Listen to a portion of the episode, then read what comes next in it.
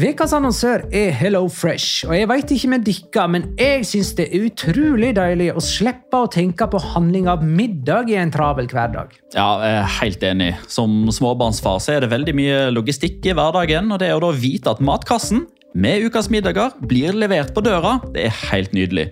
Da slipper du impulskjøp på butikken når blodsukkeret er lavt, og når du kommer hjem, kan du bare ta ut posen med dagens ingredienser fra kjøleskapet og sette i gang matlaginga.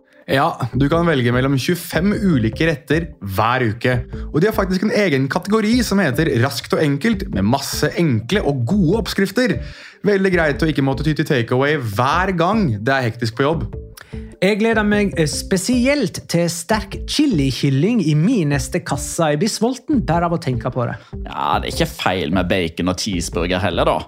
Og det som også er bra, er at matkassen koster det samme hver uke, som gjør det enklere å holde matbudsjettet. Ja, og så blir det ikke matsvinn heller, fordi du får akkurat det du trenger til hver eneste rett. Hello Fresh kan absolutt anbefales, og bruker du koden vår, LIGALOCA, kan du få opptil 1779 kroner i rabatt på de fem første matkastene hvis du ikke har prøvd Hello Fresh tidligere.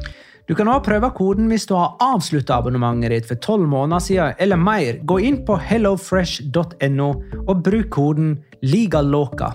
Bon appétit! Hallo? Jeg kommer fra Oslo politikammer.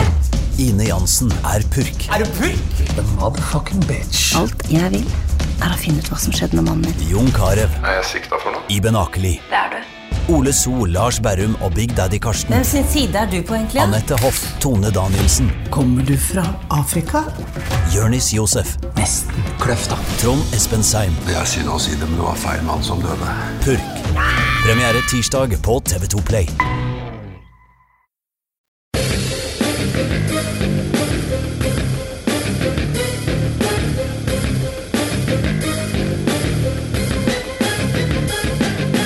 Har du sett? Real Madrid måtte vinne El Clásico for å holde liv i spenningen om ligatittelen, og leda faktisk 2-1 helt til det plutselig sto 1-1. Til slutt trakk Barcelona det lengste strået takket være den dødelige trioen RBK, Roberto, Balde og Kessie. La liga loca. En litt gærnere fotball. Ja, ja, ja, dette er La Liga Loca episode 243 av Det ordinære slaget med Petter Wæland. Hei. Hei sann! Mm, Magnar Kvalvik. Hei. Hei, Magnar. Eh, og Jonas Giæver. Hei. Shalom in the home. Hei. Hei, Jonas. Jeg ble ikke Ja, hei. Hei, hei. Eh, Jeg ble ikke introdusert som vanlig, så da kunne jeg ikke si hei, Magnar, før du hadde introdusert meg. Eh, nei, det ble uh, Han prøver å sette ble oss ut. satt ut av rekkefølga der, ja. Vi Nei, er, vi er vanedyr. Jeg har ikke satt ut, jeg bare hadde ikke blitt introdusert, så folk visste ikke at jeg var her eh, før Magnar hadde sagt navnet mitt. Var det dagens småsnakk? Jeg vet ikke om det er så veldig mye mer å småsnakke om. Jeg. Nei. Om du har, noe, har, du, har det skjedd noe gøy i livet ditt eh, den siste tiden? Den siste uken, for eksempel? Uh, nei. Uh, nei. Du var jo litt sein til å se El Clásico.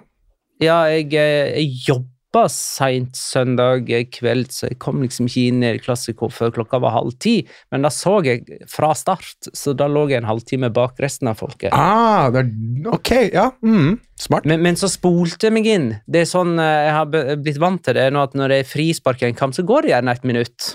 Gjør det. Så da hoppa jeg et minutt fram, og så henta jeg meg inn. Så de siste ti minuttene så jeg sammen med resten av verden.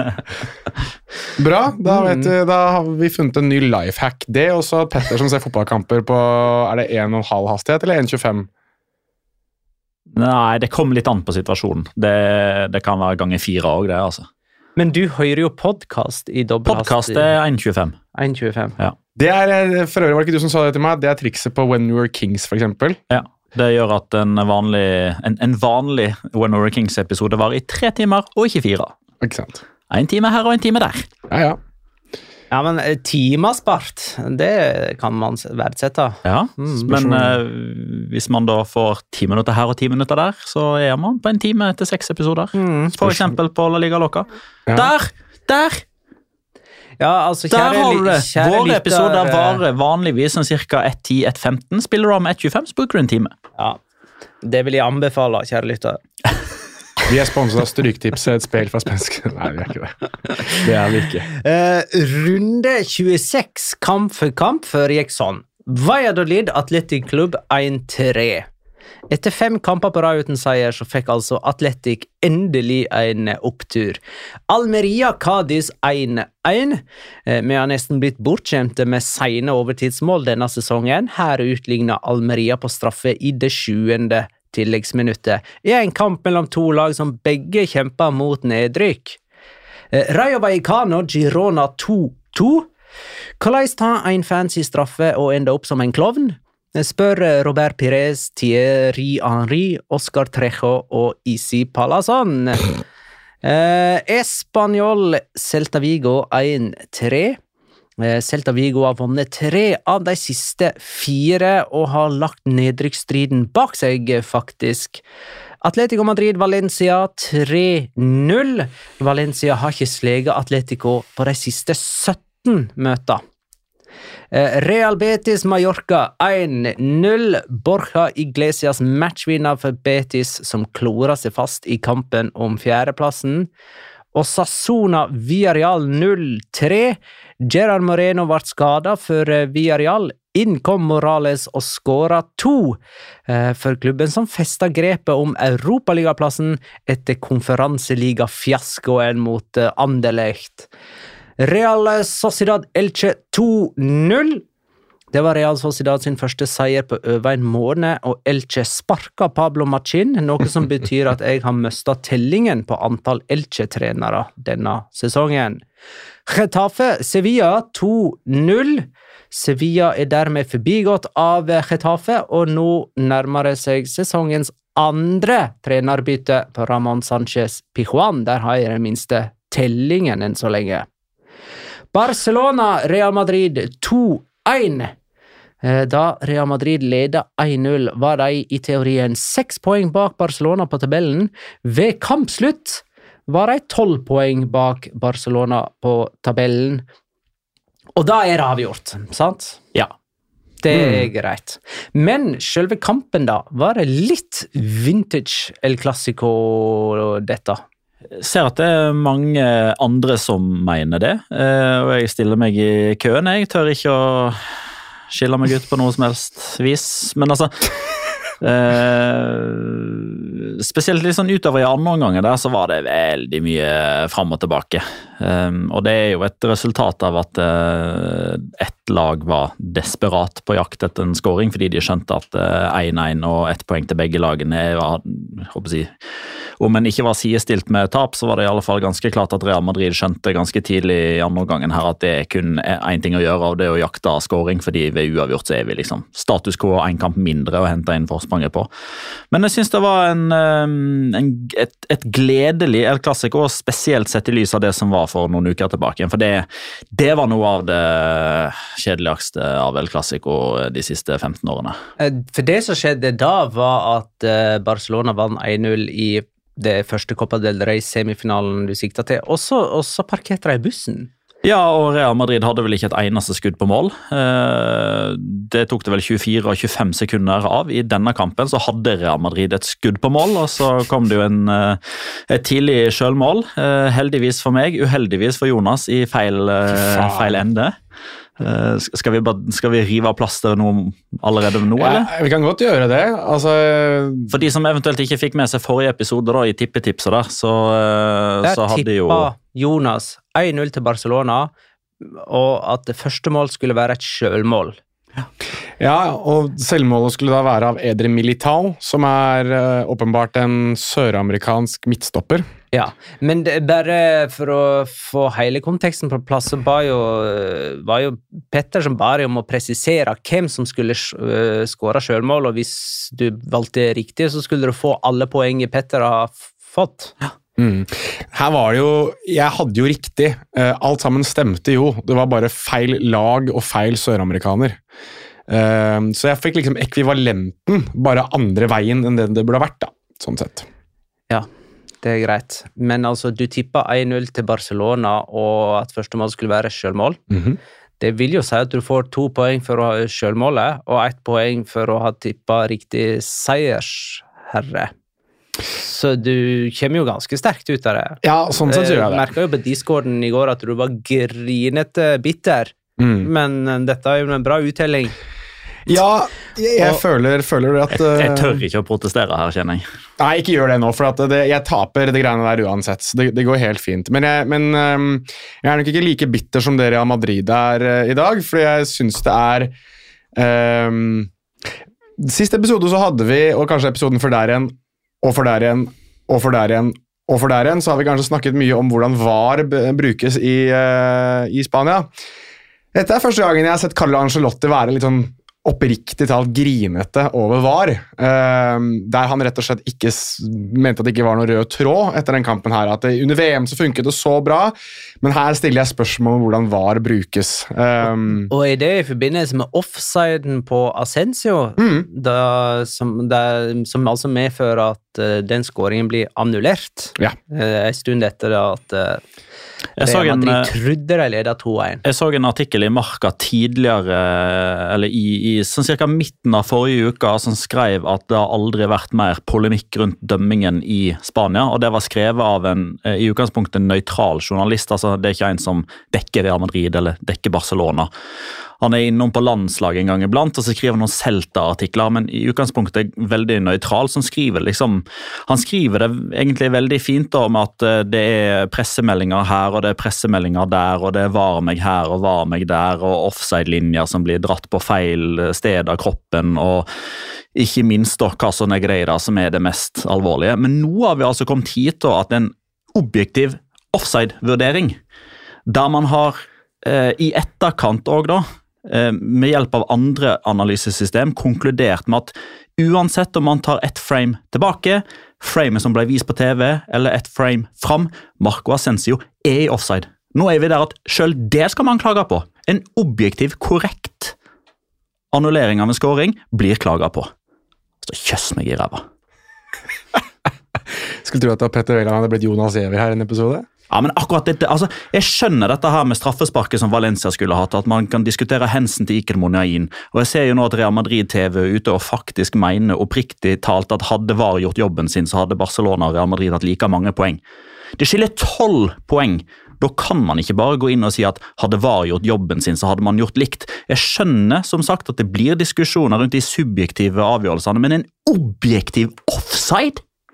Jo, jeg er enig med deg, eh, men jeg tror at i det Altså, akkurat her, da, så må vi også tenke litt på hvilken situasjon er det Barcelona står i. Eh, Selv objektivitet stilles det spørsmål rundt, fordi objektivitet har vært at Barcelona har vunnet så og så mange seriegull, så og så mange Champions League-titler, gjort sånn, sånn, sånn og sånn og sånn. Men er den objektiviteten blitt gjort på bakgrunn av korrupsjon? Ikke sant? Har det vært en dommer som har vært påvirket av at Barcelona har betalt penger? Det har ingenting med dette å gjøre. Nei, jeg er enig med deg. Det har jo ikke det. Men for veldig mange så vil de dreie det til at det har noe med dette å gjøre. Ref, Ja, men det er jo feil. Ref for eksempel eh, altså overskriften og forsiden i Super Deporte etter denne kampen du snakket om mellom Bar Bar Barcelona og Valencia. Ja. Det er så enkelt nå å dra en parallell med, med at selv objektive avgjørelser selv helt objektive, klare avgjørelser Nei, Nei, det må være Barcelona som får dommerhjelp. Må jo være det. Ja, men det er, jo det, det er jo det jeg vil til livs. Det er jo det som er feil. Altså, Det forsurer jo hele debattklimaet. Jeg sier jo ikke at du tar feil, jeg bare sier at det, sånn fungerer det. Ja, og så ja, men? Bekrefter ikke hverandre, da. ja, Uh, dette er første gang at Barcelona vinner tre El Clásico på rad siden Guardiola sin tid. Ja. Er det litt den samme auraen Nei. det nå? Nei. Nei. Han var der, da. Han var på tribunen. Guardiola. Ja. Men jeg sitter nå med en følelse når, Bar når Real Madrid møter Barcelona, så, så knyter det seg. Eller Ja, men- det er et eller annet som Uansett hva de prøver på, uansett hva de gjør, så taper de den kampen. Thierry Henry sa det bra. Hele Europa frykter Real Madrid, Real Madrid frykter Barcelona. Ja. Nemlig. og Barcelona driter seg ut i Europa. Der har du Jeg får litt den auraen over en klassiker nå i disse dager at eh, Selv om det er Real Madrid som på en måte kommer inn i det oppgjøret med form og med, med sterkest resultat og viser til, så taper de det oppgjøret. Det var akkurat sånn det var med, da Mourinho og Guardiola drev på. Eh, og Mourinho prøvde absolutt alt i de kampene der det gikk aldri. Ja, Jeg er enig med deg. Akkurat det, Den biten der er jeg jo åpenbart enig i, for det husker vi jo alle sammen. Men jeg er mer på det at den gang så tenkte jeg alltid at ja, Barcelona vinner, men hvor stygt blir det? var liksom det jeg hadde da jeg husker at jeg så de kampene der. Altså, for det var jo 2-6 og 5-0, og det var ikke måte på. 4-1 var det vel en kamp der, og var det ikke en kamp der eh, nei, Real Madrid tok ledelsen fryktelig tidlig, og så snudde Barcelona på Santiago Bernabeu og vant 4-1. 3-1 var det kanskje, ja. Alexis Sanchez husker jeg skåra den kampen, blant annet. Eh, så det var liksom Men i de kampene her så er det sånn ja, eh, Real Madrid møter Barcelona, og til slutt så vinner Barcelona, men det er jo ikke noe sånn jeg syns ikke det er så veldig mye som skiller dem, mer enn at Barcelona har nå, nå, viser jeg ikke til noen dommeravgjørelser, men de har alltid litt mer marginer, da, virker det som, i de kampene her. Og så har de selvfølgelig 0-4 på Santiago Bernabeu, der Pierre-Emerick Aubameyang var helt fantastisk god. men uh, siden Angelotti er så gretten, kan det ha sammenheng med at uh, han sjøl begynner å kjenne på presset? Uh, det er flere som spør oss, ta for eksempel Ørjan. Um, hvor mye vil dette tapet i El Clásico ha å si for framtiden til Carlo Angelotti? Han er vel litt avhengig av å vinne Champions League nå? Ja, men jeg, jeg tror vel egentlig Real Madrid og kanskje Angelotti sjøl har liksom slått seg til ro om at nå er han ferdig. Eh, altså, ba, sånn Med tanke på hvor lenge han var der forrige gang han var der, hvor lenge han pleier å være i en klubb nå på sine eldre dager. Ehm, jeg synes, ja, altså, Linken til Brasil altså Alle bare tok det jo for gitt at han skulle ta over Brasil, skal ta over Brasil, komme til å ta over Brasil, har tatt over Brasil. For han er jo ferdig i Real Madrid i sommeren, ikke sant? fordi han er på utgående kontrakt. Uh, og Det, det finnes eksempler på det motsatte, men det er flere eksempler på det at når kontrakten til en Real Madrid-trener er over, da er òg tida hans over. Mm. Da går man ikke inn og forlenger den. Da hadde man i så tilfelle gjort det tidligere enn 20. mars, som er as we speak. Jeg tror du har rett der, altså. Jeg tror øh, Men jeg tror at man på en måte er forsont med at han skal få lov til å stå At det er liksom det han har gjort seg opp, da. At han har så mye kred i banken at han skal få lov til å trene laget ut sesongen. For jeg tror at det på til vanlig, så, og spesielt nå når det er en landslagspause og man har tapt eller klassiker, så tror jeg liksom det hadde vært mer storm hvis ikke Angelotti hadde hatt den pondusen og den statusen han har i Real Madrid, og selvfølgelig er regjerende Champions League-mester og, og, er videre i Champions League, så, så, jeg tror nok at det er liksom litt det han har opparbeidet seg av status i Real Madrid. Men han er ferdig, ja. Det tror jeg. Eh, jeg tror han tar, tror han tar over Brasil. For de har heller ikke ansatt noen ny trener, Brasil. Så de, de, har bare en midlertidig sjef der. Jeg tror det var Mario Meneses som har tatt over der som er en forferdelig dårlig trener for øvrig. Um, jeg husker han da trente Brasil sist, og det var helt grusomt. Um, så de har liksom kastet bort et halvt år da, på det å få Carlo Angelotti. Men um, det gjør jo at man Vi trenger kanskje ikke å begynne med det nå, men jeg er jo spent på hvem det er som tar over Real Madrid, for det er en vrien oppgave både til Angelotti og Zidane. Altså Husk, Angelotti kom jo inn fordi Zidane var ferdig. Og hvem var det liksom Zidane hadde kommet inn etter? Jo, det var jo Angelotti. Så hadde du liksom Solari inni der. Som, og Benitez inni der. Ja, ja, for Zidane kom etter Benitez. Det er jo ingen som har fungert foruten Angelotti og Zidane. Så det, det er vel Zidane, da. som tilbake. Lopetegi funka jo heller ikke. Nei. Uh, men etter, altså, det, det, skal nok noen enorme braktap til for at Angelotti får sparken. Altså, han, han sitter ut sesongen, for den andreplassen er ganske trygg. Uh, ryker du ut i kvartfinalen mot Chelsea, så er jo ikke det bra for Real Madrid. Og ryker du ut i semifinalen i Copa del Rey mot Barcelona, så er jo det heller ikke bra. Men da er det heller ikke noe poeng i å hente inn en sånn reaksjonstrener. Da tenker man uh, allerede nå har begynt å sondere terrenget, og så tipper jeg at José til Felix Diaz og gutta krutt snart kommer med noe info om hvem de, hvem de ønsker. Eh, Barcelona har nå eh, Real Madrid først ved å parkere bussen på Santiago Bernabeu, og så med en litt mer aggressiv og offensiv stil på kampen kamp nå her. Fortsatt uten et par nøkkelspillere. Pedri måtte trekke seg. Dembélé er fortsatt ute. Pedri er jo ikke med mot Norge heller. Nei. Jeremy Pino Mm. Så tenker jeg hvem erstatter han i uh, troppen mot uh, Norge? Eller så spør jeg Geir Halvor Kleiva. Nå må vel alle se at Kessie har en, ha ei framtid i Barcelona, eller hva? Han uh, ble første ivorianer som skåra El Clásico. Ja, det er jo ikke så mange ivorianere som har spilt El Clásico, vel? Yaya Touré har vel spilt El Clásico? Ja, jeg holdt på å si Seido Keita, men så kom jeg på at han var fra Mali. Mm. Det er ikke så fryktelig mange. Uh, nei, altså, Kessie Hvorvidt han har en rolle eller ikke bare, altså, Ja, han har jo helt sikkert det, men jeg, tenker, men jeg begynner å få litt sånn Paulinho, Arturo Vidal-følelse. da. Kevin Prince Boateng kanskje litt grann, av Frank Ja. Kessie. Men altså, hvis, hvis Kleiva har meint hele veien at Kessie er god nok for Barcelona, så kudos til han, som kan håper jeg, sola seg i glansen og si hva var det jeg sa, men jeg endrer ikke mening på bakgrunn av at han blir matchvinner i El Clásico. Altså, Jeg er, mer, jeg er mer overbevist om at uh, f.eks. en type som Andreas Christensen har en ganske lang framtid i Barcelona på bakgrunn av hvordan han spiller. Uh, de, de to kom jo hånd i hånd holdt jeg på å si, inn døra på Camp Nou, begge to free signings. Uh, det var jo da Aspilicueta skulle jo ha vært med, Mm. og Marcos Alonso for så vidt. Eh, men Christensen og, og Kessie ble vel presentert samtidig òg, og jeg er mer overbevist om at eh, Christensen har ganske mange år igjen i, i Barcelona. Han var enorm i den kampen her òg. Og det er han jo nesten hver eneste kamp nå for Barcelona. da. Altså, Han og Araujo er jo Av alle de i det Barcelona-forsvaret, så har liksom Christensen har bare vært jævlig god, og ingen har snakket om det, egentlig. Nei, Jeg tror, jeg tror egentlig Barcelona har funnet den forsvarsfireren som er klart best nå. Med, altså, kan Condé og Araujo bytte litt på hvem som er høyrebekk og høyrestopper, avhengig av hvor rask eh, venstrekanten til motstanderen er. Og så er Andreas Christensen venstrestopper, og så nå har jo Alejandro Balde bare leapfrogga Jordi Alba både på klubb og landslag.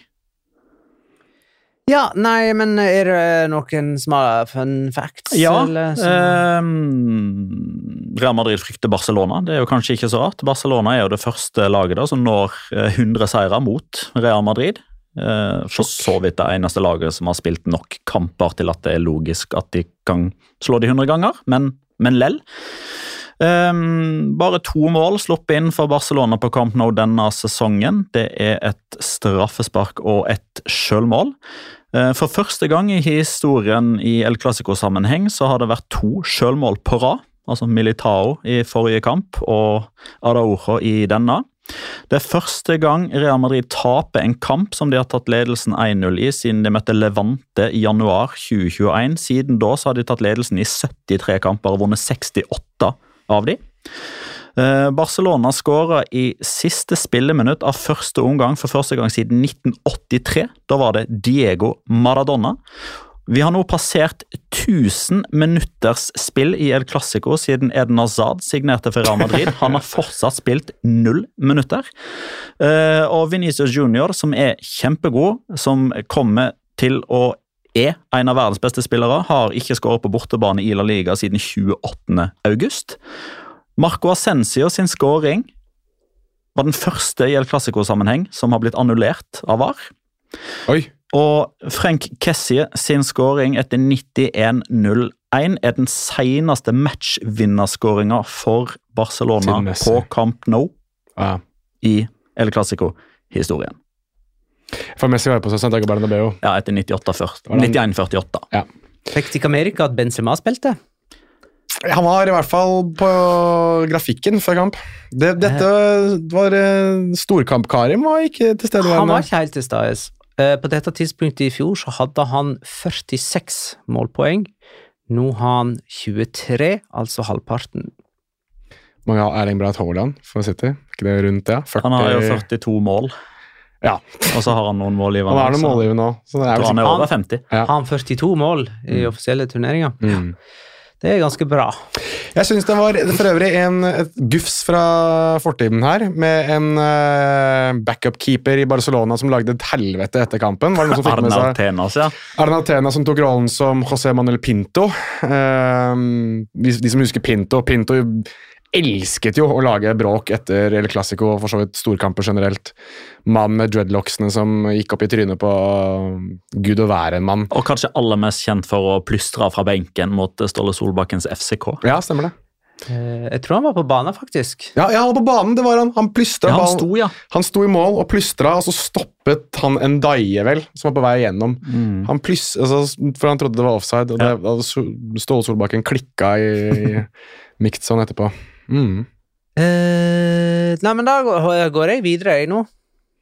Ja. Jo, du kan ta med for øvrig Vi fikk se disse nye Barcelona-draktene med hun Rosalia sitt uh, album på, så jeg har fått nevnt Jeg har fått mye kjeft på Twitter for det. At jeg ikke skjønner hvorfor jeg syns det er rart at det står 'Biker-mamma' på draktene til eh, Barcelona. Det er det Moto Mami betyr. Det er eh, albumet til Rosalia. Eh, jeg er blitt kalt gammel eh, på Twitter. At jeg oppfører meg gammel over at jeg ikke skjønner hvorfor det er eh, nødvendig at hun har det. Er nødvendig. Ja, eller hvorfor det, hvorfor det bare er sømmelig. eh, eller ah, ja. riktig, på en måte. Jeg syns det er weird Er at du, man er du i ferd med å bli 3G? Nei, altså jeg er vel eh, jeg vet ikke, jeg- Trege, jeg vet ikke om jeg holder på å bli. Uh, trebit modem, for eksempel. Men jeg Nei, jeg tenker, altså, tre, Gretten gammel gubbe. Oh, ja. Alt var bedre før. Klarer ikke å sette deg inn i nymotens ting. Nei, mer litt sånn Grandpa Simpson, old man yelling at clouds. Uh, litt mer den der. Jeg skjønner ikke Ja, nettopp. Jeg skjønner ikke helt uh, Jeg syns det var rart, jeg, da. Jeg syns hun har en kul logo, som bare er hennes egen logo. Dette var jo åpenbart for å markedsføre hennes album. Hun er jo fra Barcelona, så det gir jo sånn sett mening. Ja, men hadde ikke de noe lignende i Drake. forrige klassiker? De kjører jo sånn Spotify-relatert eh, reklame på draktene sine. Og, og det er jo mange artister på Spotify, så Du har helt rett, men da, Det det, var jo vel, den, det var Ugla. OVO-ugla. Og det er jo da øh, Det er logoen til Drake, til, til artisten Drake. Dette her er jo ikke logoen til hun Rosalia. Å nei. Ok. Den ugla Jeg trodde, jeg trodde faktisk det var Sheffield Wednesday uh, Sheffield Wednesday-logoen, eller emblemet. Begynte å lure, ja, Inntil jeg leste meg opp om det, da. Så nei, jeg forstår jo mye ikke på artist eh, Spotify-artistene heller. Men fikk, fikk du med deg hvor mye de ville ha for de draktene for øvrig?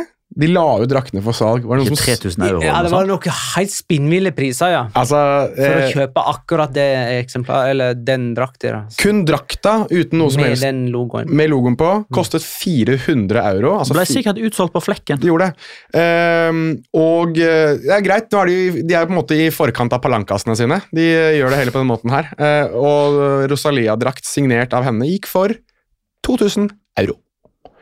Så hvis du vil ha drakt signert av henne, 2000. Men da, Atletico Madrid Valencia endte 3-0 um, Og sist Valencia slo Atletico Madrid, det var i 2014. En gang i tiden så var jo på en måte disse her sånn type konkurrenter om hvem som skulle være tredje størst i La Liga.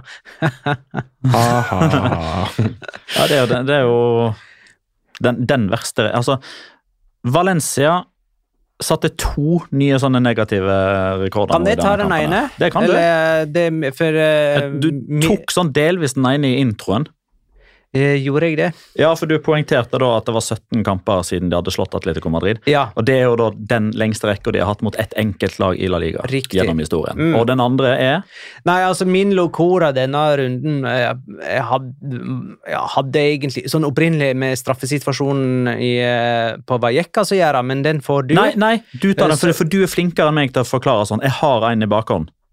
Så bare gjør dette her til et helt vanlig statistisk faktum. Ja. Du overtar min locora, som egentlig var din. eh, redaksjonsmøte i La Liga Loca.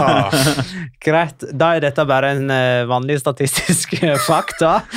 Valencia er det første laget som taper sju bortekamper på rad denne sesongen, og på disse sju har de skåra ett mål. Seks på rad uten baklengs Nei, uten skåring. Er historisk. Gøy. Seks uten scoring der, altså. Seks uten scoring.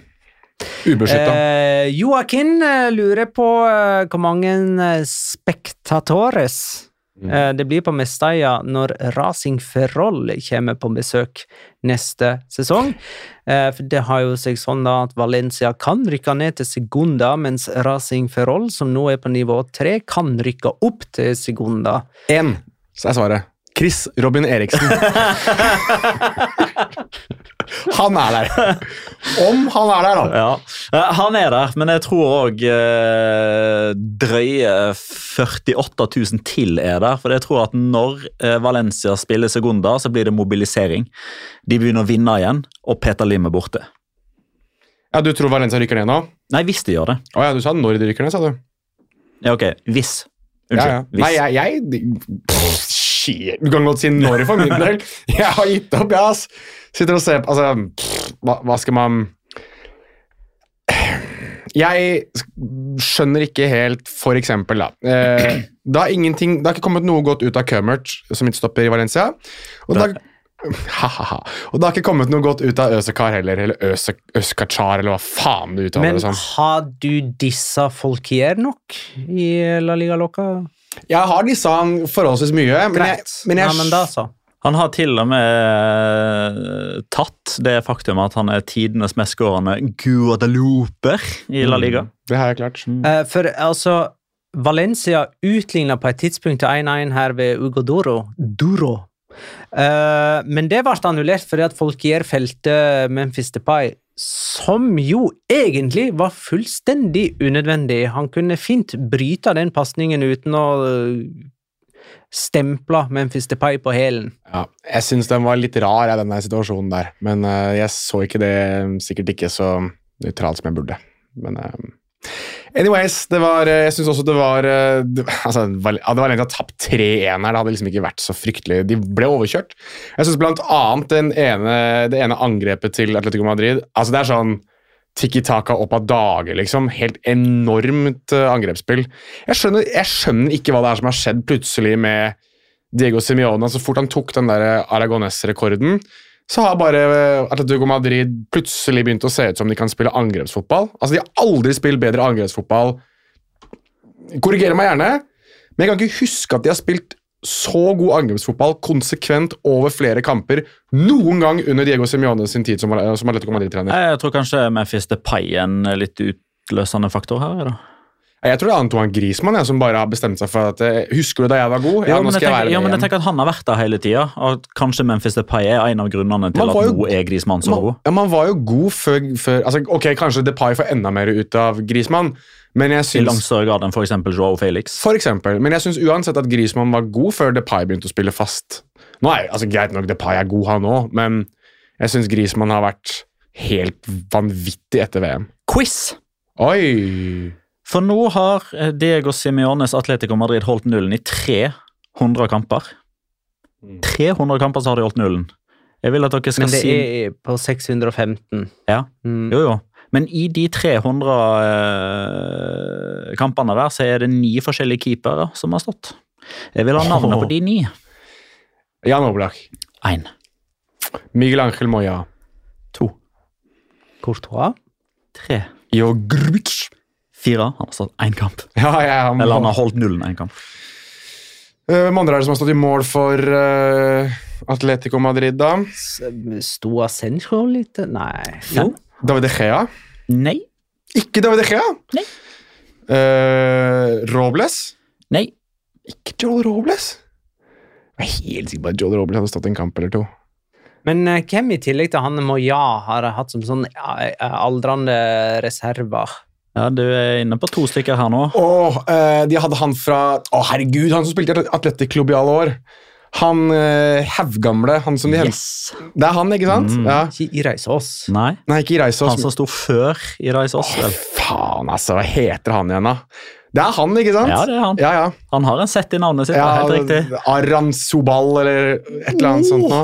Der er du close! Ja, er det? Du får den faktisk. Ok. Daniel Aranzubia. Aranzubia, Ja, jeg husker det. Det er imponert og han andre. Det er en til. Uh, det er telefonen min. Uh, Aran Zubia Eh, dere kan få et hint på han her. Er det en argentiner oppi her? Ja, men det er ikke han som er rutinert. Oi. Det er ikke han som er rutinert. Nei. Altså, dere har tatt Oblak har stått 188, Ja. Courtois 66, Moya 32, Asenjo 5, Aranzubia 2. Nestemann på lista har også stått to. Han eh, var nettopp involvert i en straffesparkkonkurranse i Europa. Uh, eh, det er ikke Antonio Dan? Antonio Adan. Det hadde jeg aldri kommet på. Når skjedde det? Eh, nei, den, nå kan det ha vært den linken så jeg ikke. 16-17. Er han en sånn der rar fyr som har gått fra Real Madrid til Atletico Madrid, og ingen husker at det skjedde? Nei, ikke, han var jo innom Betis eller noe sånt i ah, ja. Det var jo han som i sin tid benka Iker Casillas. Ja, han det, som- jeg, husker, jeg husker han godt i Det Real var, det var han som fikk Ja, ja. Iker Casillas til å legge ut av det bildet på, Det er på Twitter med dråpe som fikk Ja. begeret til å renne over. Ja. Ok, nest, Neste keeper på lista har jo stått to kamper. Han er nå reservekeeper i en annen La Liga-klubb. Som har nesten fortsatt flere trenere enn poeng denne sesongen. Det er Elche-keeper, det er det i så Ja. Hvem er det som har backup i Elche? Argentiner. Har Elche en argentinsk Altså, Er ikke alle fra Argentina Elche, da?! Med unntak av Eli Belton Palacios. Han er fra Colombia. Ja, riktig. Uh, Ja, nei, bare ta den du, Petter. Las Aksel, Werner. Aksel Werner. Oh. Og så var det Ivo Grbic. Ja, han tok jeg. Ja. Uh, og så er det den siste. Han klarte altså ikke å holde nullen. Han har spilt én kamp, uh, og han tar dere ikke. Det er Miguel San Roman. Han husker jeg ikke. Vi må ikke glemme at Atletico Madrid nå har ti strake seriekamper uten tap. Eh, og i gåsehauget er bare fem poeng bak Real Madrid. Eh, så eh, ja, kanskje det er de som skal ta opp kampen med Barcelona til slutt. eh, nå hopper vi videre. Ja, jeg ville som sagt bare skyte inn at jeg, eh, jeg har kritisert eh, Atletico Madrid mye. Og jeg, jeg har snudd litt. Jeg tror Diego Simione blir værende i Atletico Madrid likevel. Jeg, vi har sagt at dette er hans siste sesong. Jeg Du snur. snur kappa etter vinden. Som faen, da! Som bare Som et ja, altså, tidenes medgangssupporter når det kommer til trenere. Greit. Carlos Calvarial er ganske flink òg nå. Nei, de- Den der får du meg ikke til å snu på. Den får du meg ikke til å snu på. ennå. Bare vent. Bare vent. Den Vi er snart nummer sju. spissbyttepolicyen hans er Hvis- veldig smart. Hvis Jorge Playa begynner å score, da Da skal han genierklæres den podkasten her, Men ja. eh, vi tar først, uh, før vi går til Celta Vigo, så blir det Getafe Sevilla.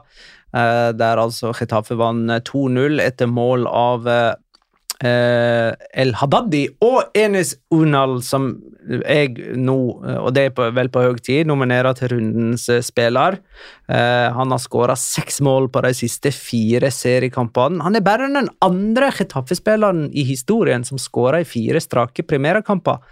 Og da veit sikkert dere Ja, hvem hvem den første var. Unnskyld, jeg falt litt ut. Hvilken Nei, det var ryktet nå at eh, det er noe nytt som hadde skjedd, men vi kan ta det etterpå. Eh, Hva var det du sa for noe? Uh, Enes Unal er den Ja. andre Getafe-spilleren i Mm. historien som skåra i fire strake primærkamper. Den andre? Hvem var den første, da? Skal vi se uh, Sergio León, for eksempel? Nei, det er tidligere. Tidligere, ja. Mm, verdens beste. Jaime Mata? Ja. ja. Uh, I 2019. eh, Men Sevilla de skal altså sparke San Han skåret Pauli. på heimebane. Mm. Eh. Sevilla skal sparke enten sparke San Pauli, eller han skal bare trekke seg sjøl fordi at han skjønner at det, dette går ikke. Han vil vel ha- gjerne ha en sluttpakke, eh, og vi er vel ferdig innspilt rundt sånn 1826. Yes. Så sånn rundt eh, 19, 1930-ish så tipper jeg det kommer en kommunikado offisial. Med tilleggsinformasjon om at Mendilibar er ny trener. Og, og det er jo Eller det var det, det er derfor jeg falt ut. For nå har det kommet at det er en annen trener som visstnok foretrekkes. For meg eh, har det sett ut som enten Bordalas eller Mendelibar, men er det enda en til i miksen? Nei, det er det ikke. Det er Bordalas. Nå er det Manu Ja, for han nevnte vi jo forrige Vi gjorde det. Manu Episode. Sainz melder at det er Bordalas, og det er flere og flere nå som melder at Bordalas er den som man eh, har åpnet samtaler med, selv om han også visstnok skal da ha vært i diskusjon med Mendelibar. Så det virker som om Marka skriver at Mendelibar er klink, liksom, at han er på vei dit. Så dette er, det er kanskje førstemann som når fram. Ja, virker litt sånn. Førstemann som setter blekket på papiret. Blir jævlig uansett. Altså, begge er forferdelige trenere som eh, altså, Estetisk så er det, blir det ikke noe gøy med noen av dem. Nei, men det de trenger nå, da, det er jo en, en som ikke skaper kaos. Men, men hvem var Ok, ok. Nå, Ja, Bordalas. nå, ja, det er for så vidt riktig. Nå, nå skulle jeg til å si at eh, en som stabiliserer og ikke skaper kaos, og der stopper liksom argumentet mitt for Joaquin Caparros, for det blir kaos med Caparros. Men eh, ja, nei, jeg tenker det hadde vært litt sånn interessant hvis man sparker Jorge Sampaoli og kommer inn med José Luis Mendelibar. Det er liksom to karer som Den ene er overenergisk, og den andre bare suger ut energi av det som er. Ja, altså Da er, da er man vel i nærheten av den stilendringa som Burnley var gjennom, da, fra Sean Dyche til Vincent Company, bare at dette er motsatt. da.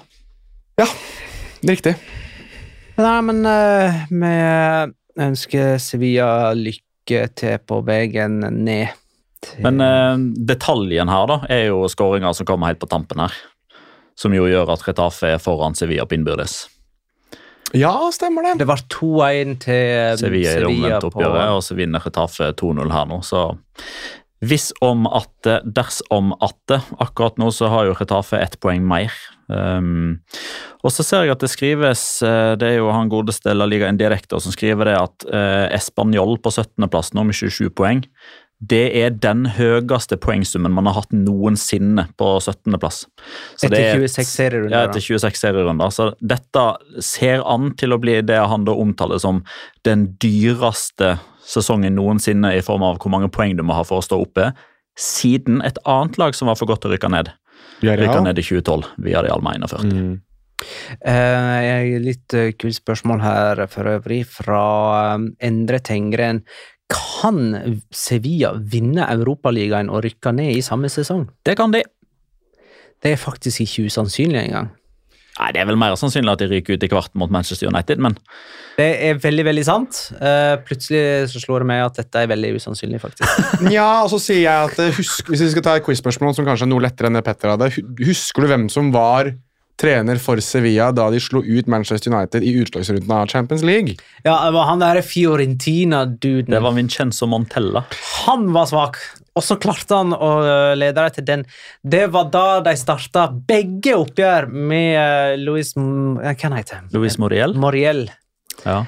Og så satt de innpå Visan Benjedder på Old Trafford, så ja, skåra han, han to mål. Mm. Og så stiller jeg deg oppfølgingsspørsmålet. Husker du noe mer av hva Vincenzo Montella gjorde for noe i Sevilla? Ja, Han starta med Louis Moriel i alle kamper og satte innpå Wissam Benjender, som skåra. Hvis de da hadde sluppet inn tre mål, så var det for seint.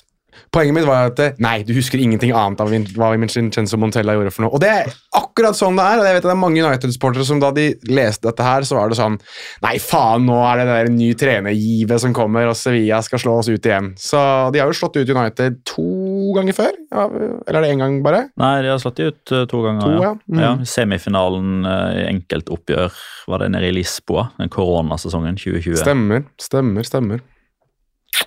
Mm. Og så vant de jo åpenbart United da Mourinho var trener for uh, United, og Montella var trener for Sevilla. Og Luis Moriel spilte. Uh, Real Betis Mallorca endte 1-0 på Benito via Marin, der Borja Iglesias ble matchvinner med en perfekt styring. Hvem var det som skjøt først? Sabali. Sabali. du begynner å bli litt svak for han, du. Veldig. Fantastisk back. Jeg syns det er helt nydelig at de har klart å få han uh, litt i gang. Altså, han, jeg tror han har begynt å stråle mer fordi Alex Moreno er borte. At han har fått mer uh, frihet til å kunne bevege seg framover i banen. og Skal ikke til dørlinja, han skal som regel innover i banen. Og kan skyte, kan spille opp. Overraskende god til å slå innlegg òg. Og er såpass kjapp at han i alle fall ser ut som han kan spille forsvar.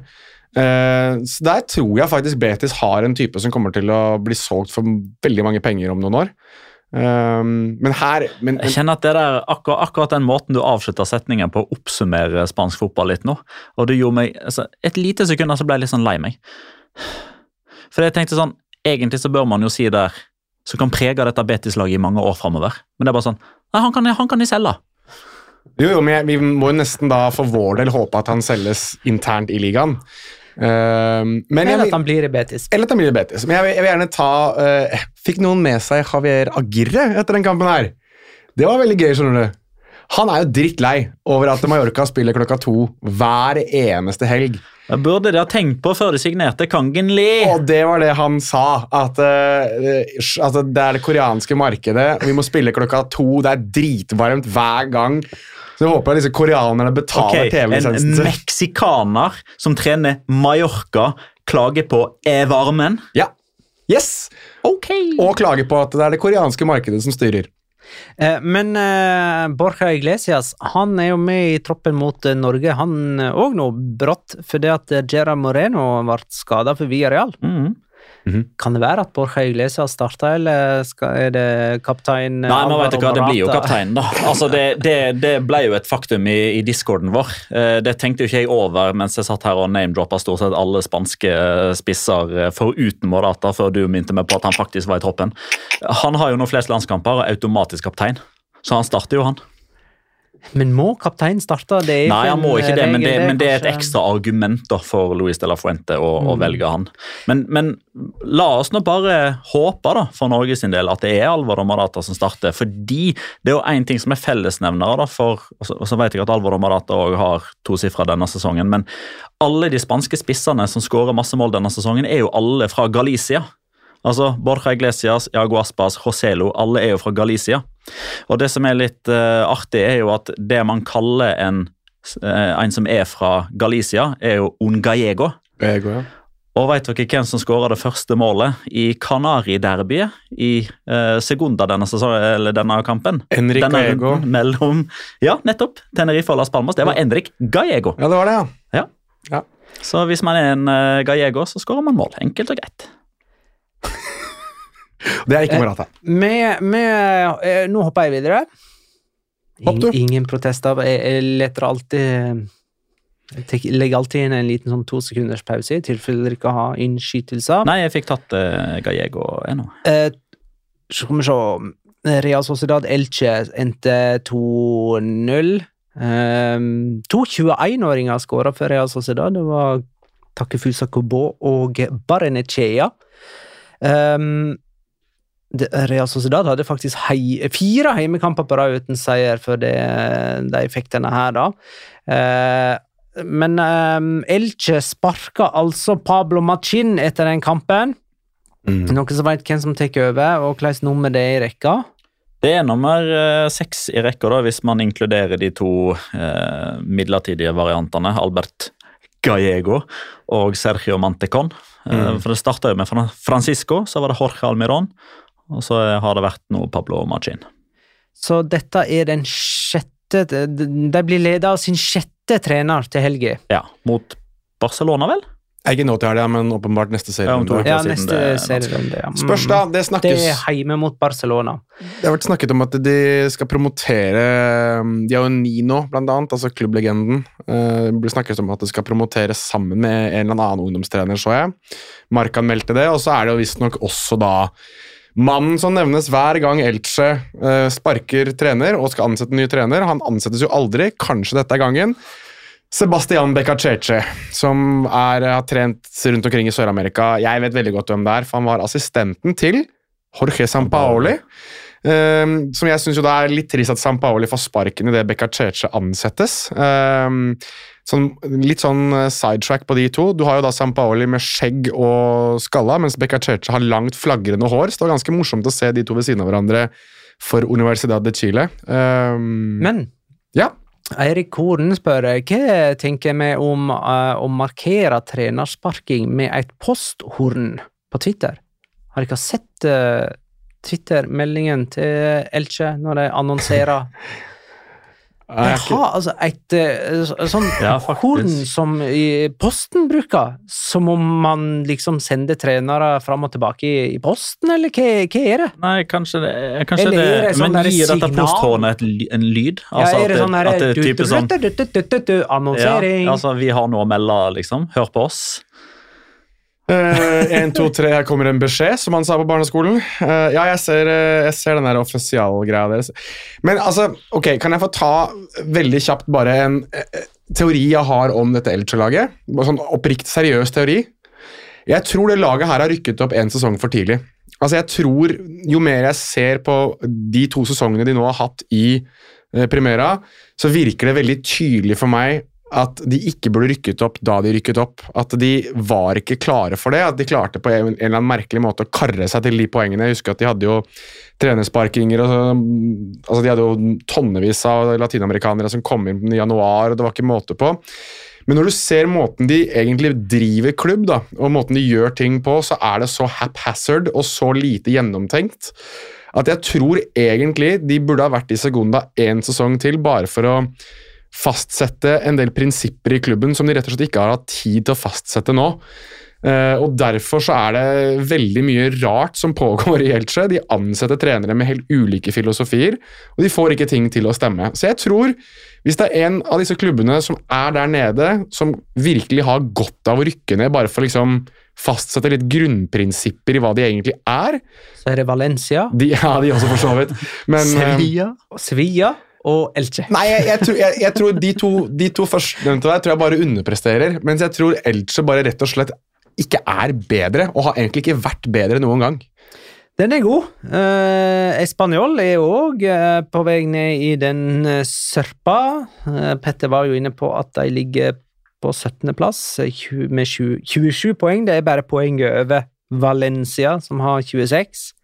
På 19.-plass finner vi Almeria òg med 26 for øvrig. Utrolig jevnt og spennende. Espanol tapte 3-1 hjemme for Celta Vigo. Før Celta Vigo skåra både Iago Aspas og Gabri Veiga. De to har til sammen 21 mål. Gjør det de til den mest målrike duoen i La Liga? Jeg mener det, ass. Hvem? Gabri Veiga og Ja, Aspas. stemmer det. Aspas. 21. De har skåra 21 av Celta Vigo sine 32 mål.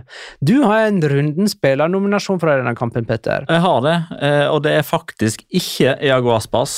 Og det er heller ikke Gabri Veiga. Da er det Jørgen Strand Larsen! jeg vet hvem det er. Det er ikke Jørgen Strand Larsen.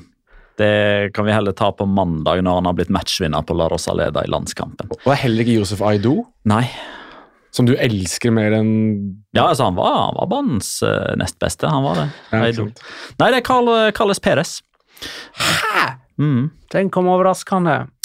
Han skåra òg, Ja. det må vi jo nevne. Men, jeg, men jeg, ja, jeg skjønner at du mener at det er overraskende, for jeg, jeg husker det at det var en av disse episodene som jeg ikke var med på. Jeg husker ikke om det var en bonus eller om det var en ordinær, men da hørte jeg på den jeg var ute og, eh, og trente dagen etterpå. Og da begynte dere å diskutere Carles Perez, eh, at eh, han ble henta inn. eh, og at det var liksom ikke han som kom til å gjøre underverker for, for Jørgen Strand Larsen med eh, målgivende pasninger osv. Det stemmer jo for så vidt. det. Han har jo ikke slått en eneste målgivende pasning til Jørgen Strand Larsen, men i den kampen her så var han dritgod. Det var han som assisterte Gabriel Vega, det var han som skaffa straffen som Aspas skåra på, og han skåra sjøl et mål som han på mange måter er med på å starte sjøl. Så når Carles Perez by far spiller sin beste kamp i karrieren, så må vi nesten anerkjenne det. Ja. Eh, på de fire siste kampene har Celta Vigo vunnet tre. Jørgen Strand Larsen Steina starta én av de fire, og det var den de ikke vant. Den endte 0-0 mot Osasona. Så da har antagelig Carvalhall nå eh, landa der. Eh, Strand Larsen skal starte på benken og komme inn etter en halvtime ish. Eller han skal få en halvtime ish. Ja, sånn blir det. Kommer inn en halvtime ish før eh, slutt. Så dere hva som skjedde eh, etter den kampen her med um, Sergi Darder? Var det noen som så klippet av han som måtte gå bort og beklage til eh, supporterne? Eh, det var jo to ting som interesserte meg mest med det klippet. der. Det første var jo det at Jeg visste ikke at Español hadde så blodharde fans. Eh, fordi hvem heier på Español, eh, holdt jeg på å si? Det er jo ikke Altså Det fins noen her i landet, ja, faktisk. ja, ja. Nei, jeg, jeg, altså, jeg syns jo det er Hvis, det er, hvis vi har noen Español-fans som lytter på La Liga Loca, altså, lag litt lyd. Altså, Eivind Dale eh, dekka i alle fall Español på norske fans for 15 år siden. Mm. Så hvor er du i dag, Eivind Dale? ja. Gi lyd! Eh, Send oss eh, en Har du et posthorn? Ja, send oss en melding. Ehm, men jeg, det var det ene. At, eh, han, at det var så mye harde supportere som var dritpissed fordi de tapte 3-1 hjemme mot uh, Spanjol. Og det andre var Hvis det er én du liksom skal bli ordentlig sint på Sergi Darder, eller? Har ikke han redda de nok ganger denne sesongen her? Men er ikke det heller litt mer sånn at det er Sergi Kaptein, Darder liksom? som Jo, men er ikke det litt mer han som håper jeg, velger å stå opp, da? At det, altså, De vil ikke ha svar fra han fordi han er dårlig, men han er kapteinen. Han er den som jeg, kan gå i bresjen. Han kan gå videre inn i garderoben og gi beskjed hva supporterne mener. Ja, Altså, men jeg, jeg, jeg, tror, jeg ser liksom ikke for meg at Sergi Gomez eh, hadde gått inn og levert videre budskapet på en fin måte.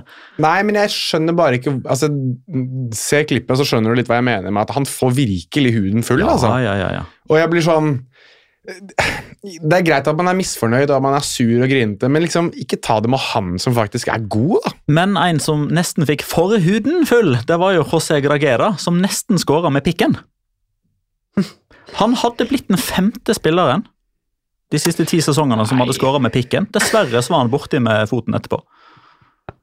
I pikken, Foten i pikken, eller? Først med pikken og så med foten. Vallecano Girona. Vil dere ikke vite hvem de fire forrige var? Skal vi gjette Eh, Cristiano Ronaldo er en av dem. Klaus Lundekvam. Eh, nei, I La Liga de siste fem sesongene. Ja, De siste nei, fem sesongene så er det, er siste ti sesongene så er det fem i La Liga. Okay. Som har skåra Eller han hadde blitt den femte. det er fire stykker. Det er fire stykker som har skåret med pikken de siste ti sesongene i La Liga. Messi har jo gjort det. Nei, han har skåret med hånda, men ikke pikken. Diogodin? Ikke på de siste ti åra. Ja, nei, men generelt i karrieren. Ja, får vi noe hint, eller? For er, altså, hvor mange spillere er det ikke som har spilt La Liga de siste ti årene? Det er ganske mange. Ok, Ja. Vi tar han første først. Han har spilt for Sevilla, Atletico Madrid, Getafe, Las Palmas. Uh, Viet, Var i lands... Vi nei, eh, åh, Vitolo. Vitolo. Vitolo, det er Ja. riktig. Uh, han andre var spiss i Viadial og ble solgt til Kina. Bakambo. Riktig. Uh, han andre har et uh, Sedik, som han heter for øvrig. Eh, nummer tre her, uh, han har uh, samme etternavn som en meget, meget kjent fotballtrener. Sergio Guardiola. Riktig. Og nummer fire, han har Han har skåra mot Norge, eller med Norge, på et eller annet vis. Spiller for Kadis. Eh, Robin Sobrino. Ja, riktig. Så da kunne José Gragera da blitt nummer fem. All right. Norgesvenn Robin Sobrino. Rayo Vallecano Girona endte 2-2. Her må vi snakke om eh, straffespark. Eh, og det er for så vidt min eh, locora, siden Petter ga den eh, fra seg. Eh, hør nå, eh, på stillingen 2-1 til Rayo så fikk de straffe, som Trejo først bomma på, men siden en Girona-spiller var for tidlig innenfor 16 meter, så fikk de ta det på nytt. Og da valgte de altså å ta en variant der Trejo ga ballen bare en liten touch, slik at han rulla en liten halvmeter, og så kom Easy inn i feltet som en slags pasningsmottaker, med mål om å avslutte. Og så sendte han altså ballen over mål. Og jeg har sett dette to ganger før. Eh, Ved første gang ved, var det Arsenal og uh, Robert Pires som skulle slå en pasning til Thierry Henry, men bomma på ballen, så det ble fiasko. Det ble vel frispark til Manchester City på Arsenal sin straffe. Og så var det Barcelona Var det mot Osasona, skal jeg tro? Jeg lurer på om det var Messi og Neymar. Suárez. Og Celta Vigo. Celta Vigo var det faktisk. Messi og Suárez Mm. Som tok den variant, varianten med hell, mens eh, Rayo Vallecano hadde altså en fiasko. Så to av de tre jeg har sett, har, har blitt fiasko. Ja, da, jeg kan slenge på en til der, som for så vidt også har suksess. Det var jo Johan Cruyff og Johan Neskens som gjorde det i en landskamp for Nederland. Hmm. Det var suksess. Ja, så da eh, to av fire. 50-50. er- 50-50. Jeg syns det er litt gøy at Raja Vallecano dukker opp uh, inni der. Uh, men ja, det her, men, men altså, på stillingen 2-1, da. Hæ? Men ja, eh, og Easy ja. ble jo han ble liksom stilt spørsmål liksom, hva var, hva var liksom greia her. Eh, og Da sa de jo at nei, de hadde en dårlig straffestatistikk, så de følte liksom at de måtte liksom gjøre noe med det. Og her i Rayo er vi ambisiøse, og vi er ikke redde for å gjøre nye ting. Uh, og, og det glemte jeg å nevne, at Easy var jo for tidlig inn i feltet. Ja, så, hvis han hadde skåra, så hadde det jo blitt annullert. Ja, da måtte de ta det en tredje gang. Nei, det, det spørs. Hvis det bare er Easy som er inne, så hadde de blitt annullert. Og indirekte frispark Ah. til Girona. Ja, sånn er det. Sånn er det. Uh, men uh, her uh, det er ingen som har en runden spillernominasjon herifra. Det er ikke det. Jeg angrer jo egentlig litt nå, merka jeg, på at jeg nominerte Enes Enis Unal, med tanke på at Girona-spiller Sygan, Sygankov Mm. Victor. eh, skåra to, eh, og ble første ukrainer som skåra to mål i en La Liga-kamp. Ja, jeg må få sagt det at Petter nevnte jo Sygankov for noen uker siden at han hadde vært veldig imponert over han. Jeg var liksom litt sånn Ja, så god, jeg. Eh, men jeg må ærlig innrømme at jeg har sittet og sett han en del ganger nå, så tenker jeg at der Der har Girona funnet eh, neste spiller som blir solgt til Manchester City, og så lånt ut til alle klubber i La Liga. Eh, Valladolid Athletic endte altså 1-3. Den der var jeg skråsikker på skulle ende 0-0.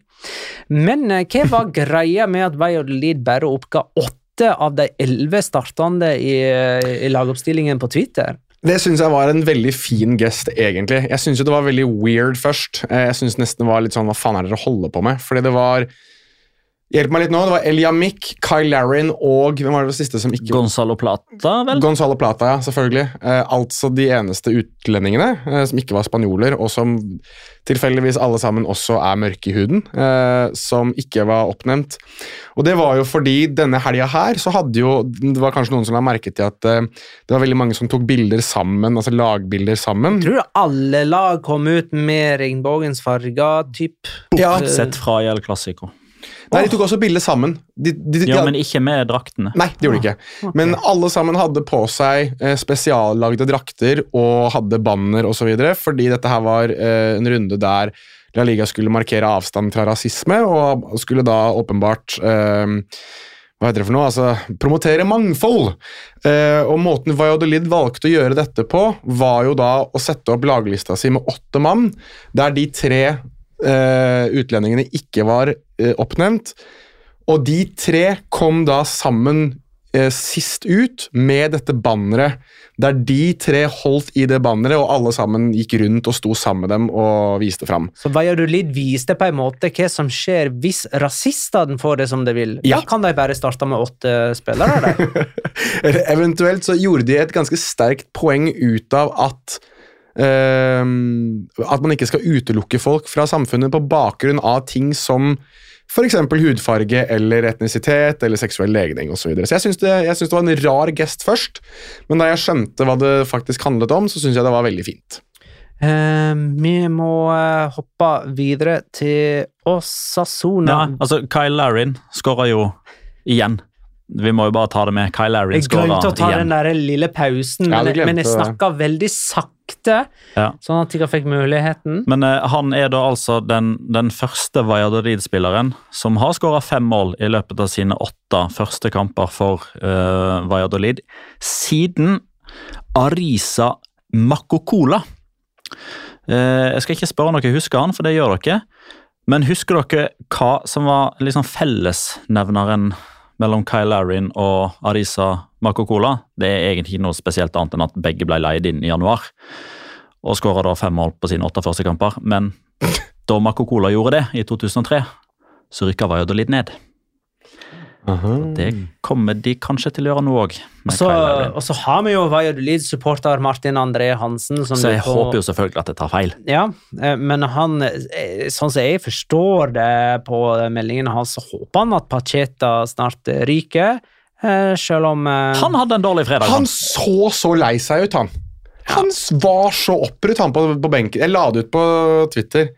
Herregud, hvor lei seg han så ut. eh, Altså, det Martin André Hansen eh, skriver, er er det på tide at Pacheta ryker nå, eller kommer Ronaldo til å gjøre det samme som han gjorde med Sergio, der han blånekta å sparke en manager før nedrykket er sikra? Så der har du liksom eh, Hva det heter Forespeilingen hans? Mm. Eh, nå, eh, også Sona Villarreal. Der eh, har Jonas en rundenspiller-nominasjon. Ja, både Runden spiller og Locora, så du kan jo bestemme hva du vil ha først. Nei, det bestemmer du. Ja, men Da kan vi jo starte med det jævlige først, da. Eh, jeg har sett veldig mye kampsport i mitt liv. altså Jeg er veldig glad i kampsport, spesielt UFC, og det var jo et ganske stort UFC-stevne på, på lørdag. og Jeg lurer på om ikke Nacho Vidal satt oppe og så det. Uh, for altså, han regelrett Superman-puncher Alfonso Pedraza i ansiktet.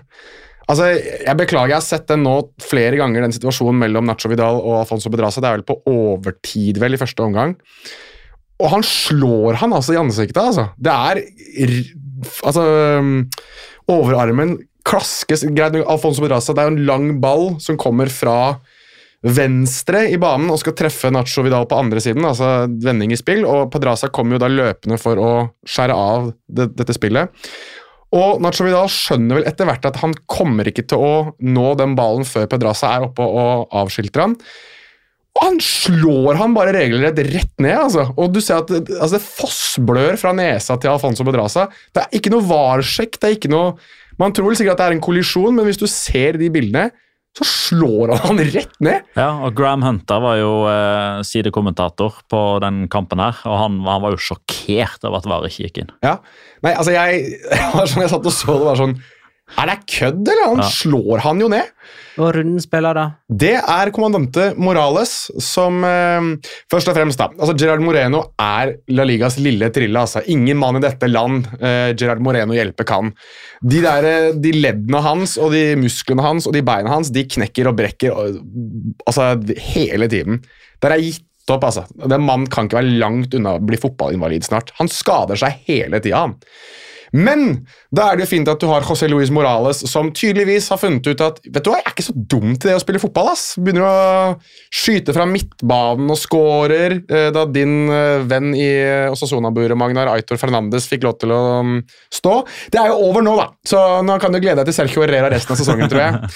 Men uh, det er vel heller uh, måten han uh, kontrollerer den andre skåringa si på, hvor han altså med ryggen mot mål tar ned ball, spiller opp venner og avslutter et ganske godt angrep. Jeg synes han, han begynner å finne seg selv litt igjen nå i, i Villarreal. Jeg syns bare at det er litt sånn trist at han har byttet ut uh, saluttfeiringa si med en eller annen telefon. Jeg syns det er bare så rart. Tidenes eldste tomålsskårer for uh, Villarreal. 35 år og 239 dager gammel. Eh, hvem er rundens spiller, egentlig? Carles Perez, Morales eller Enes Onal? Eller Zygankov? Zygankov! Jeg kan godt gå for Zygankov. Ja, en ikke nominert kom inn fra venstre som ei boble og vant den ja. konkurransen. Kjempebra. Hva er lokoraen din, Petter? Uh, Lokoraen min finner vi da i den kampen som vi skal over til nå, ikke Ja. det? Ja. Almeria Cádiz endte altså 1-1. Um, her utligna altså Almeria på straffe i det sjuende tilleggsminuttet. Kadis har fått tre straffer imot i tilleggstiden denne sesongen. Alle har resultert i uavgjort og har altså kosta Kadis seks poeng. ja. Det er litt der vi er inne på. Eh, For hvis du er eh, middels fotballinteressert, eller ser liksom mer av fotball fra andre nasjoner, kanskje er du en som nesten bare ser Eliteserien eller Premier League eller Bundesliga, og har lyst til å se litt La Liga-fotball for, å få en liten touch. Skru på Kadis-kampene når man går inn i eh, tilleggstida. For de har altså De slapp inn mål i tilleggstida hjemme mot Atletic Klubb. De slapp inn mål eh, i tilleggstida på hjemmebane mot Barcelona. De skåra sjøl matchvinnermålet borte mot Valladolid på overtid. De slapp inn en straffeskåring, som du nevner. Christian Stuani skåra mot Cádiz etter 101 minutt og 1 sekunds spill. De ble eh, sjøl eh, matchvinnere. Ruben Sobrino skåra etter 98-05 da de vant 3-2 mot Atletico Madrid. Enes Onal, som vi var inne på, 105 minutter og 15 minutter spilt i forrige serierunde, da han utligna til 2-2. Og her er det altså da Almeria som heter 96-03 eh, utliggende på eh, straffespark mot eh, Cádiz. Så hvis du vil se noen få minutter med La Liga-fotball, så er tilleggstida til Cádiz. Kan jeg få skyte inn eh, Eirik Korens lille historie fra Power Horse Stadium? Han var jo der, faktisk, av alle ting. Elche-fan eh, Eirik Koren dro så Almeria Han ville se noe annet enn Elche, si! Tydeligvis. eh, og valgte da denne kampen her. Han hadde jo Det kan man jo lese på Twitter, så trenger ikke å ta hele nå. Men Serdian Babic og en liten jente på, på tribunen ble en liten solskinnshistorie den, den ettermiddagen der. Så jeg håper at folk går inn og titter på den. Det er liksom litt sånn, Gi meg litt håp på menneskeheten igjen etter den, eh, etter den historien der.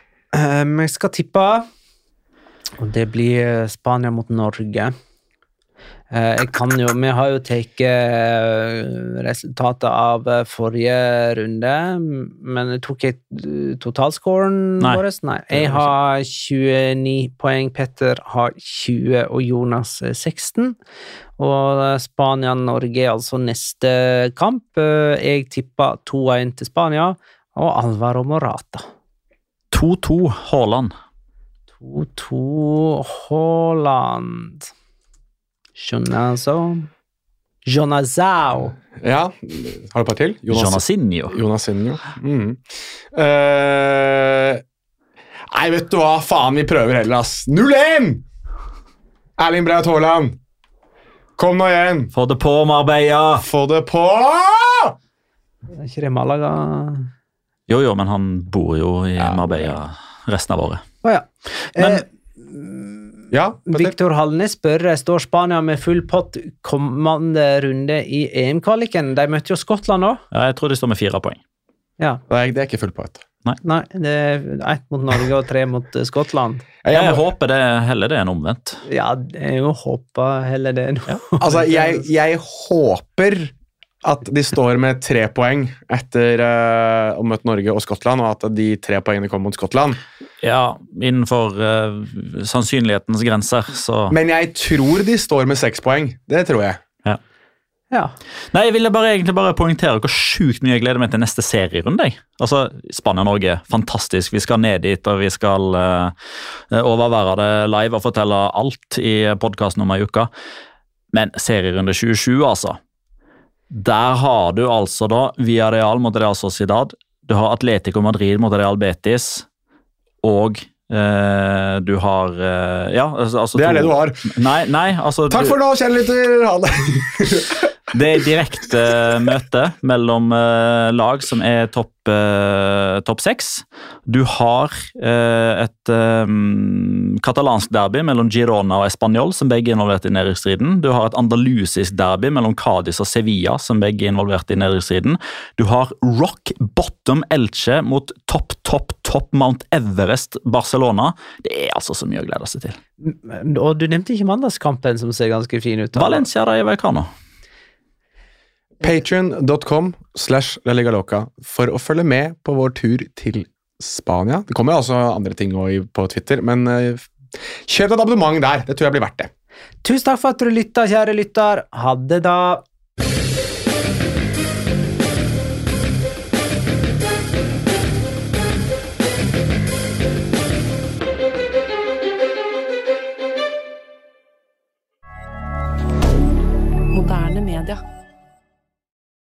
Har du et enkeltpersonforetak eller en liten bedrift?